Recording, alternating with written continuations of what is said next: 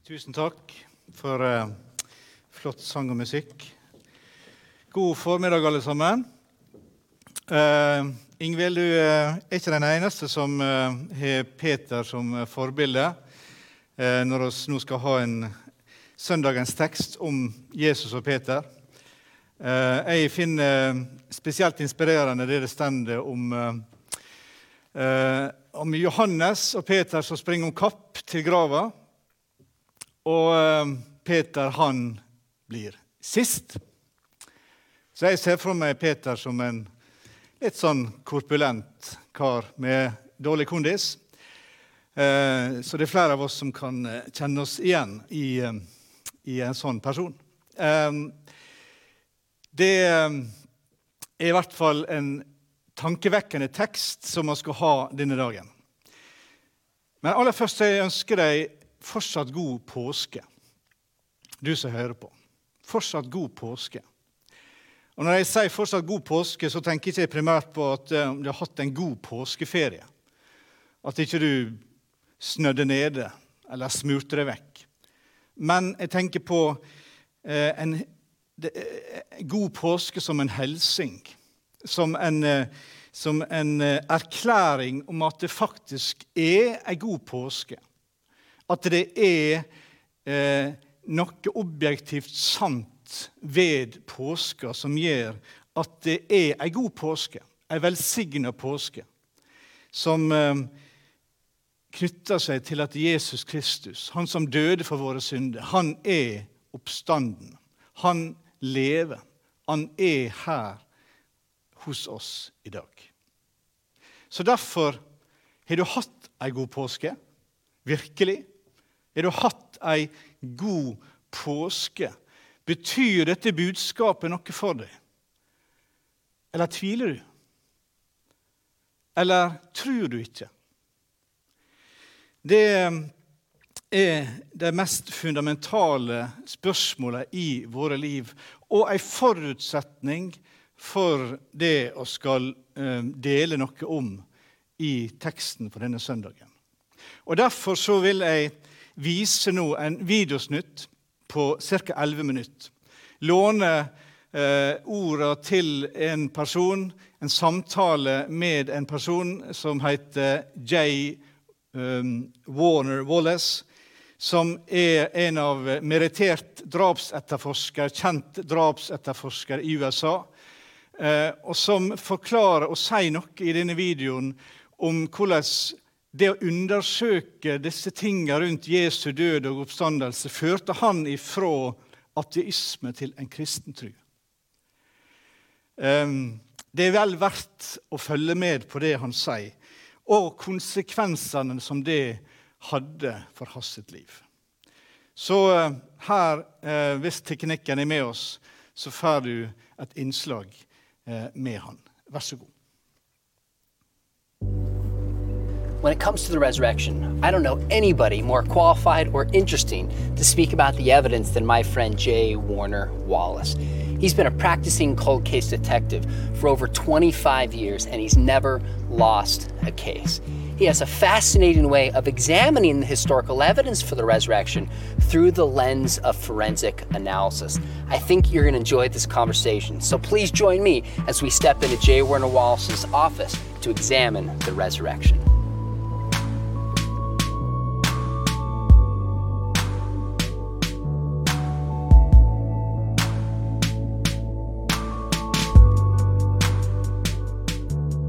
We jump in and look at the evidence, tell me a little bit about your story. Uh, you know, I was uh, a son of cops. Uh, my dad was a cop before Okay. me, and uh, was very always kind of. Um, cops are suspicious, right? And sometimes they're kind of analytical. They look at the evidence, and my dad was that kind of guy. And I wasn't raised in a Christian environment, and he was really pretty committed as an atheist, um, and he still is. So for me, I was looking at the first time I actually seriously looked at Christianity. I think I was about 35. Wow. My wife Susie was more interested in Christianity than I was. Uh, she had been raised in a church environment, and she kind of felt like, shouldn't we be raising our own kids in the church? Well, I was willing to go Okay. as an atheist. And so I went to a church with her. First time I'd ever been in an evangelical church for anything other than a wedding or a funeral. and we're sitting in this church, and the pastor described Jesus in a way that just like it clicked for me. He described Jesus as a super, like the most in, uh, intelligent man who ever lived. And that, of course, there's many other things too. Yeah, but that's yeah. the thing that stuck out in my mind. I remember that, and I thought I'm interested in um, looking at this guy Jesus to see how smart he is. And that's when I started to read through the words of Jesus. I had to buy a Bible. I actually still have it. The first The Bible original I ever, one yes, that the you first got. Bible I Oh, ever that's bought. interesting. And I started looking at it forensically because I was a detective and I was uh, looking at eyewitnesses, and I knew when an eyewitness was lying to me.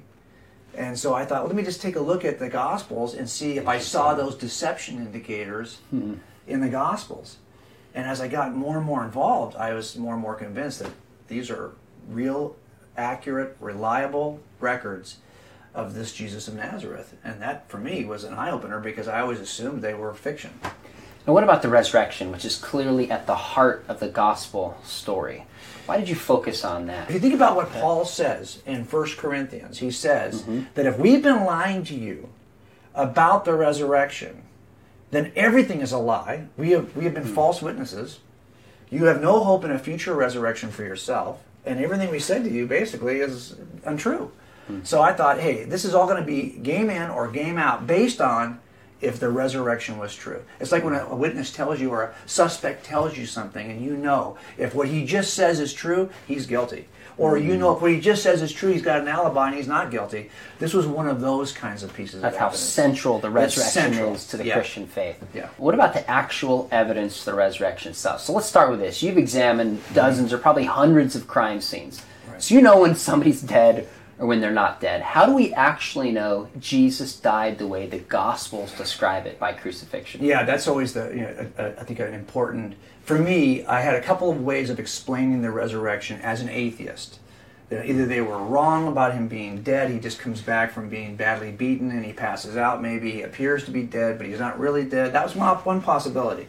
But as you read through the account, you get little pieces of hidden science that after you've worked homicides and assaults, you begin to say, well, I actually think this looks like my casework. So, for example, um, there's a scene in the Gospel of John where John describes the thieves on the cross with Jesus, right? Okay. But there's a piece of hidden science in that passage because it says that the guard came and stabbed Jesus in the side and blood and water came out of his body and they saw the separation of blood and water. And I thought, I recognize that because there's a- an attribute that occurs when you suffer cardiac arrest. It's called effusion. Okay. And either the water builds up around your heart or it builds up in your lungs, depending on your body placement. You have to have that kind of uh, shock, circulatory shock, and cardiac arrest to get that kind of effusion. And, and at Gotcha. coroners, I've been to autopsies where coroners will actually show me what this looks like. So I think in the end, that's a piece of hidden science because if they if they stabbed that side of Jesus' body and they saw the separation of water, that's probably pleural effusion from his lungs. Mm. But that means he'd have to be dead in order to show you that kind of separation of water. And John didn't know what he was describing. Well, it's not only it was John- Luke who was the doctor. Well, get this, John didn't know it, and I don't even think that Luke knew it based on what he knew back in the day. Here's why I say that. If you read the earliest readers of Scripture, which are the church fathers like Origen or Tertullian, mm-hmm. Jerome, these people were writing about that scene in the Gospel of John, and when they got to the separation of blood and water, they said it's got to be some kind of a metaphor A or something, spiritual right? kind of it's like it's got to be the water Yep. baptism it symbolizes. Mm-hmm. It must symbolize something because it can't be water that came out of him. Why in the world would water? Everyone in the first 500 years cannot understand what the water mm. is. And I don't think John understood it either, unless John's so clever that he writes Right, in this. of course. That, that he's going to put this little secret that no one's even going to understand medically for a thousand years Right. hoping that someday when they discover it, it makes them look legitimate. So I had a problem with that. When I first read that and did that investigation, I thought, hmm. okay, what I know as a homicide detective, I'm pretty convinced that Jesus was dead. So Jesus was dead by crucifixion. Yeah. How do we know the tomb was empty? Because you can't get a resurrection unless he's buried. Right. And then comes back. As a detective, what convinced you the tomb was empty? Well, I think this is uh, uh, just a very simple philosophical process. If you work people who lie, they typically want to set up their lies so they can't be discovered. The quickest way to dispel this statement or this claim about the resurrection in the first century would have been pretty simple. Here's what you do: you go back and you get the body of Jesus and you drag it around. There you go. Here he is. He's never. He's been. He's, he didn't rise from the dead. Here's the body right here. Mm. So that's why we have in the record of the Gospels this really uh, concerted effort, right, to make sure that the body's not stolen. Because if the, if the tomb is empty, they're going to say something, you know, they're going to say he rose from the dead. Of course. The yeah. earliest records we have from either friend or foe right. point, point to an empty tomb. So I think that that's one reason why. The other way, of course, you could knock this thing down in the first century is if you could get the original eyewitnesses to recant. Mm. So those are the two fastest ways to end the story of Christianity if it's not true in the first century. And we know that they were never able to produce the body of Jesus and end it that way. So we have to account for the empty. Listen, it doesn't mean that the resurrection is true. We just know the tomb is empty. We have to account for the empty tomb somehow. Okay, so Jesus is dead, tomb is empty. Mm-hmm. How do you know he actually appeared to people? Because now is when it tends to get more supernatural. Yeah, so we have our claims that are written very early. What are the things we look at as detectives? Are four things related to eyewitnesses. Were they written early? Were, uh, were, they really there to see what it is they said they saw? Okay. Two, can they be corroborated in some way? Three, have they changed their story over time? And four, do they have a bias? Okay. I look at those four things all the time. So the question with the accounts related to the resurrection is, how early are these accounts? Because you know you can lie about somebody if everyone who knew the truth is already dead. Okay, so if they're written at the time when people would know if they're lying, and if you look at, for example, the claims in 1 Corinthians, where Paul mm. boldly says, at a period of time between 53 and 57 AD, very early in history, mm. he boldly says that, hey, if you don't believe me, there are 500 people who are still here who saw Jesus on the same day. Now, either that's an incredibly gutsy lie that he's hoping nobody will check, mm. or he's just telling the truth and there are still 500 people, most of whom are still alive, you could ask, and they all saw Jesus rise from the dead on the same day. That's a very early, bold claim. As a detective, do you think the resurrection could pass in a court of law? Yeah, I think here's why. There's only one other way to explain this, and that that is an elaborate lie. This is a conspiracy that's held by those who want to advance a cause called Christianity. And that's where I found myself. I was at the very end of this investigation, and I thought, okay, now I got to think about, well, could this just be a lie? They didn't hallucinate, they just made the whole thing up. And it wasn't until I had worked conspiracies for a number of years that I realized that doesn't get it done mm. either. And so it turns out that there are five things you have to have to be successful in a conspiracy. The smallest possible number of people, holding it for the shortest possible time with excellent communication between co-conspirators. So if I stop you and ask you what happened, your story will match his. Mm. Also, you got to have tight family-like relationships and finally no pressure. It turns out that the, the 12 and it's more than the 12, because in Acts 1, there's a whole upper room full of people. Right. And they pick Matthias from that room to replace Judas. And then Paul says there are 500. So there's hundreds of people already too many people to be successful in a conspiracy, who have to hold it for six decades, way too long to be successful, with no way to communicate back and forth. So if, if Thomas is in India getting tortured for what he says is true, he can't tell you what Matthew is saying in North Africa or what Paul has been saying in Rome. No way to communicate. That's the other problem. Some brothers are in that group, but Matthew's not related to anybody, so the relationships aren't close enough. And hmm. finally, too much pressure. And no one knows this better than you, who've done the definitive work on this. There is no ancient tradition related to the disciples that says they right. ever recanted their story. So that's the problem you have. Now, I would always say it this way Is it possible that this is a lie? I would say, well, yes, because anything is possible. It's hmm. possible we're imagining this entire talk right now, but it's not reasonable. Is it possible he wasn't dead? Yes, but it's not reasonable. Is it possible the tomb wasn't empty? Yes, but it's not reasonable. The only reasonable inference related to the evidence is that Jesus and he rose from the dead just exactly as it's recorded in the Gospels. And when I realized that, it changed everything. Take us back to that point where you first realized it was true and then understood what it meant for your life. So, you know, you, you do all this work and you discover that what the Gospels tell you about Jesus is true. And I remember um, going home at the end of one workday and sitting with Susie and saying, you know, I think if you had to ask me, do you believe what the Gospels say? I would have to say now, yes. But you know what I don't get? And I said to her, and neither of us were Christians. I said, um, I don't get why Jesus would have to die on the cross that way. I mean, I get that it happened now, and I, I've, I've kind of fact checked all that, and I'm, I'm good with it. But I don't understand why it had to be that way. I said, Do you get it? And she said, um, Not really. So we were at this place where we just didn't know enough yet. And I had focused so um, sincerely on just the uh, issues related to the Gospels and is this true without thinking theologically. So here's how I put it now. If, if you will investigate the Gospels fairly, as a detective might, you will end up with belief that they are true. But that doesn't give you belief in. If you will start to investigate the New Testament for what it says, not about Jesus, but what it says about you, you will take the step toward believing in.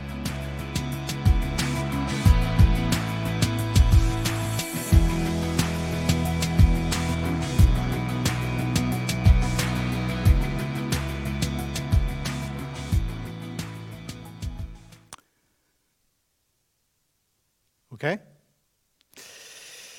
Da har dere sett en eh, litt annerledes del av ei preike, men jeg håper at dere finner det interessant. i hvert fall. Han Wallace han driver en nettside som heter coldcasechristianity.com. Så Der kan du finne masse mer om, fra han og om den tematikken. Og Denne videoen er henta fra eh, Avana Norge sin serie Journey, eller Advokater, som er en del av det. Eh, som er et tilbud av, til de eldste ungdommene.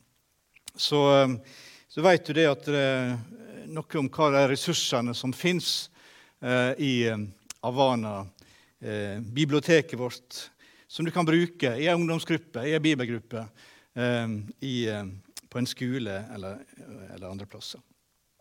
Ok. Tror du på det? Tror du på det? tror du på det vi har sett? Tror du på det som står? Tror du på evangeliet om at Jesus Kristus, han døde for dine synder? Han var ei soning for dine synder, er ei soning for dine synder. Og at han sto opp igjen eh, og beseira døden og djevelen og alt det vonde. At han brøt dødens lenke, og at han eh, ga deg mulighet til å bli frelst, til å få det evige livet. Eh, om du ikke er tatt imot det, så kan du åpne ditt hjerte og ditt liv for Jesus Kristus her og nå. Ved å be ei enkel bønn om Herre Jesus, du må komme inn i mitt liv. Du må være min frelser, min Herre. Jeg vil følge deg. Og Bibelen sier at alle som påkaller Herrens navn, skal bli frelst. Det leder oss da inn i det som er teksten for denne dagen, som står i Johannes 21. Og Det flytter på en måte en del av dette ned fra hjernen vår og ned i hjertet. Det snakker om å elske Gud, ikke bare å kjenne Gud, ikke bare å vite hvem Han er, men faktisk å elske Gud. Da de hadde holdt måltid, sier Jesus til Simon Peter, Simon, sønn til Johannes, elsker du meg, mer enn disse? Ja, Herre, svarer han, du veit at jeg har deg kjær. Og Jesus sier til han, fø lamma mine. Og han sier til han andre gangen, Simon, sønn til Johannes, elsker du meg? Ja, Herre, svarer Peter, du veit at jeg har deg kjær. Jesus sier til ham, 'Gjet sauene mine'. Så sier han tredje gangen, 'Simon, sønn til Johannes, har du meg kjær?' Peter ble sorgfull da Jesus tredje gangen spurte, 'Har du meg kjær?' Og han svarer, 'Herre, du veit alt. Du veit at jeg har deg kjær.' Og Jesus sier til han, 'Fø sauene mine'.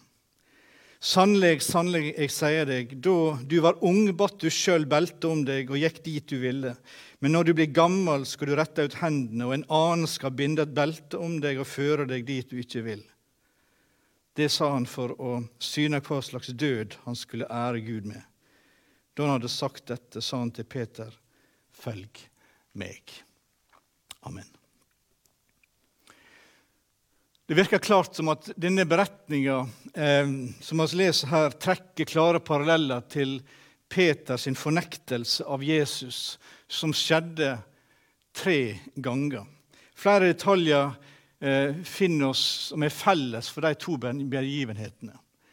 Det at de nå sitter her ved en kullgrill, som egentlig står om i den, eller kull, bål laga av kål, det står i grunnteksten. Det står også der utafor yppersteprestens, i det ypperste prestens gård, så var de samla rundt et bål av kull. Men her er det Jesus som er laga det til. Og her er det at han får et eh, spørsmål tre ganger. Eh, begge plassene så refereres det, brukes navnet Simon Peter. Og hver gang eh, Guds ånd bruker navnet Simon, så skal vi legge merke til at det snakker om den naturlige Peter. Den Peter som oss gjerne kjenner et spesielt slektskap til ut ifra hvordan han oppfører seg. Og Både i hendelsen på gårdsplassen og ved denne hendelsen her på stranda, som vi nå leser, så er det at uh, det er en tredobbel uttalelse. altså. Tre ganger fornekter Peter sin herre, og tre ganger blir han bedt om å bekrefte sin kjærlighet. Begge disse refererer til Peters syn på seg sjøl. Og, og Jesus han spør Simon, sønn av Johannes, elsker du meg mer enn disse? Hvem var disse? Folk har spekulert i hvem var det Jesus sikter til. Er det disse fiskerne? Er det disse eh, båtene? Er det virksomheten? Er det businessen? Er det det som eh, Jesus på en måte Eh, sammenligna med. Men hvis han sammenligner med disse to beretningene, så blir det ganske klart at han mener elsker du mer enn disse andre mennene elsker meg. For Peter han hadde altså i utgangspunktet noen veldig høye tanker om seg sjøl. Han var den som, som sto der og sa om alle andre svikter deg, Jesus, så skal jeg aldri svikte deg. Jeg skal gå i døden for deg, Jesus. Og sånn ga han til uttrykk for tankene om seg sjøl i forhold til de andre. I forhold til hvordan han så for seg at de ville stikke av når faren kom og trua. Jesus adresserer disse ordene til han. 'Elsker du meg mer enn disse?' Og Peter han er lært Peter han har fått noen virkelige dyrkjøpte lærdommer disse siste dagene. Og han dømmer seg ikke i forhold til de andre, men nå kjenner han seg sjøl. Han kjenner sitt eget hjerte og sier, 'Ja, Herre, du veit at jeg har deg kjær.' Ja, du veit at jeg har deg kjær. Ja, du kjenner alt sammen, Jesus. Du veit at jeg har deg kjær. Han er en nevner ikke andre i det hele tatt, men han har flott en lærdom om hvordan vi skal se på andre. Og Peter viser at han har lært å forstå Jesus sin bedre. I Getsemanehagen så følte han at han måtte forsvare Jesus med våpen. I nærheten av Jesus her så har han lært at den måten jeg kan stå opp for Jesus på, det er ved å gi folket mat. Den måten jeg kan, jeg kan, tjene Jesus på, jeg kan vise min kjærlighet til Jesus på, det er ved å strekke meg ut etter de mennesker som Gud elsker. Som Gud ga sin sønn for. Ved å gi dem mat som Gud ønsker skal få det evige livsens ord. Dette er hyrdens arbeid. Og Jesus sier til Peter, 'Fø lamma mine, og vær gjeter for sauene mine, og fø sauene mine.' Og Det gir oss tre viktige aspekt nettopp ved det å gi mat. For det første fø lamma mine. Det er barna, det. Det er de yngste, det. Det er barna og ungdommene våre. Det er dine barn, det er dine barnebarn. Det er de som bor i bygda di, de som bor i ditt nærområde, så du kan nå med budskapet om Jesus Kristus. Um, og skal ikke vente til at de vokser opp, men vi skal gi dem det beste ifra de er små, ifra de kan skille mellom høyre og venstre. Lær den unge den veien han skal gå, så vi kan ikke fra det når han blir gammel, stender det ordspråket. Og det er så sant. Og oss kan ause av gode ressurser som jeg og du kan bruke i å gi evangeliet til barna og til de unge. Og det, Selv om jeg syns det er meningsfylt å, å, formidle til voksne, så er det noe som jeg ser det som like viktig, og kanskje enda viktigere å være med på. Å gi eh, evangeliet til de små, til de som skal vokse opp. At de skal følge Jesus når de gror til og blir større. Det andre vær gjeter for sauene mine. Det ordet som er brukt, betyr våk over dem. Våk over dem. Vokte dem. Og I Peters første brev så sier han til de eldste i forsamlinga Vær hyrdinger for den Guds flokk som er hos dykk. Ha tilsyn med flokken, ikke av tvang, men av fri vilje, så som Gud vil, ikke for vinnings skyld, men av hjertet. Prøv å finne ut hvor de er. Leit dem opp. Prøv å lokalisere dem og beskytte dem mot de farer som truer. Gi dem sunn lære. Gi dem sannhetens ord. Vokte dem. Det er hyrden sitt verk. Og Gud kaller noen spesifikt til å lede Guds menighet, til å være åndelig lederskap.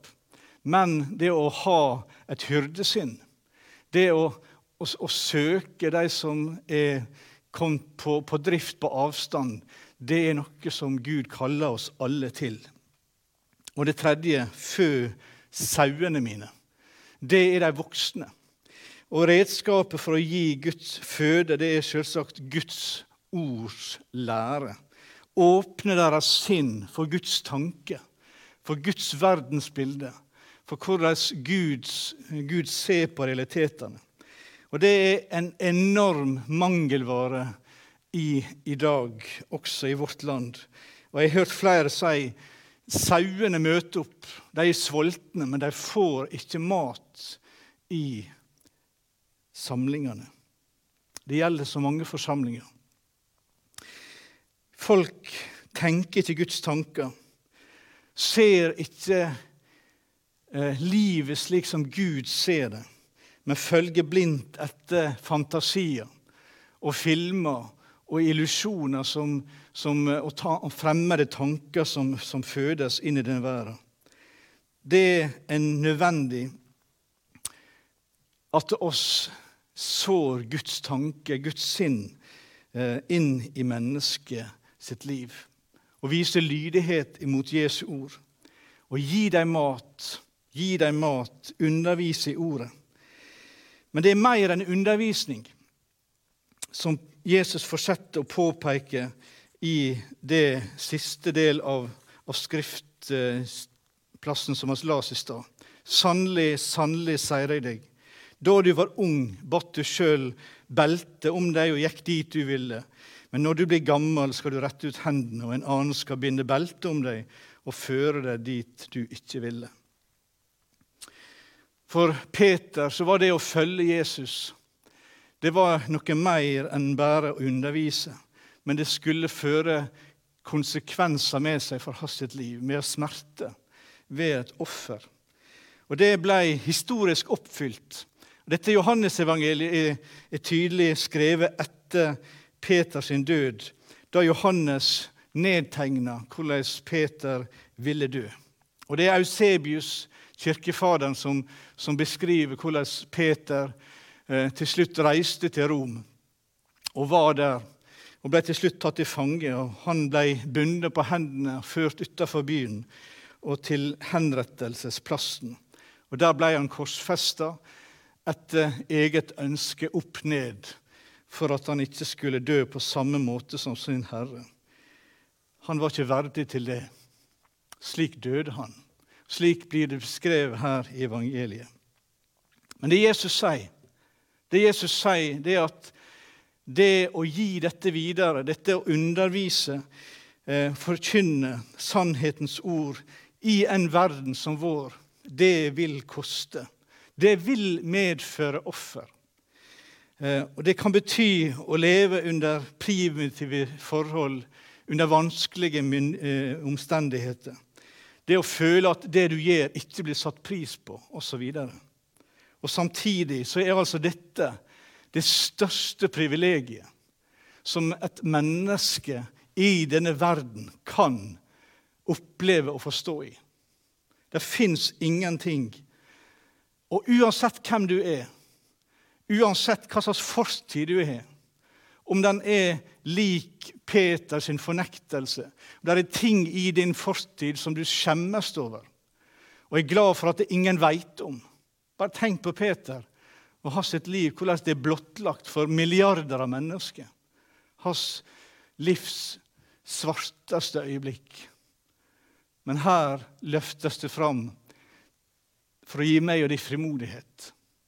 Det er ingenting i din fortid som diskvalifiserer oss til å kunne gå inn i dette meningsfulle, rike livet. Du trenger ingen utrustning fordi at vi med en Gud å gi som gir utrustning. Du trenger ingen gave i utgangspunktet fordi at vi tror det er en Gud som gir gave til det som han ønsker å føre deg inn i. Det er ingenting større enn å gi mat til Guds lam og til å lede hans flokk i denne verden. Til å gi mat til mennesker slik at de kan arve det evige livet og bli styrka i trua og fatte håp midt i en håpløs verden. Om du, Erna Solberg, hører på dette Du gjør en kjempejobb, og en viktig eh, jobb for landet vårt. Men ingenting av det du gjør, er større og mer meningsfylt enn dette som vi har snakka om her. Om du heter Nakstad eller eller eh, Stoltenberg eller hva det måtte være. Flott jobb, men ingenting er større enn det å gi evangeliet videre. Gi mat til mennesket. Mat som fører til evig liv og til en retning i denne verden. Samme hvem du er, samme hva situasjon du er i. Jesus kaller deg til å gi mennesket mat, til å gi deg det beste som du har fått. Og Peter fant dette å være sant. Han adlød sin herre. Han hadde sagt, 'Jeg vil gi livet mitt for deg'. Og Jesus svarte, 'Ja, faktisk så skal du det.' Ikke som du en gang trodde, ikke ved å forsvare meg med et sverd, men i undervisning i forkynnelsen av Guds ord. Og til slutt så skal du gi ditt liv. Et dyrebart kall. Men du verden, det er det mest meningsfulle oss kan bruke livet vårt til. Og han som kaller deg, det er han som gir løfte. Det er han som gir kraft. Det er han som gir styrke og oppmuntring til å holde oss oppe i dette. Herre, oss priser og takker deg for at du er en, en levende, oppstanden frelser. Vi takker deg, Herre, for at du som begynte en god gjerning i oss, du skal fullføre. Du skal lede, og du skal gi oss alt oss trenger i den tid som oss er i.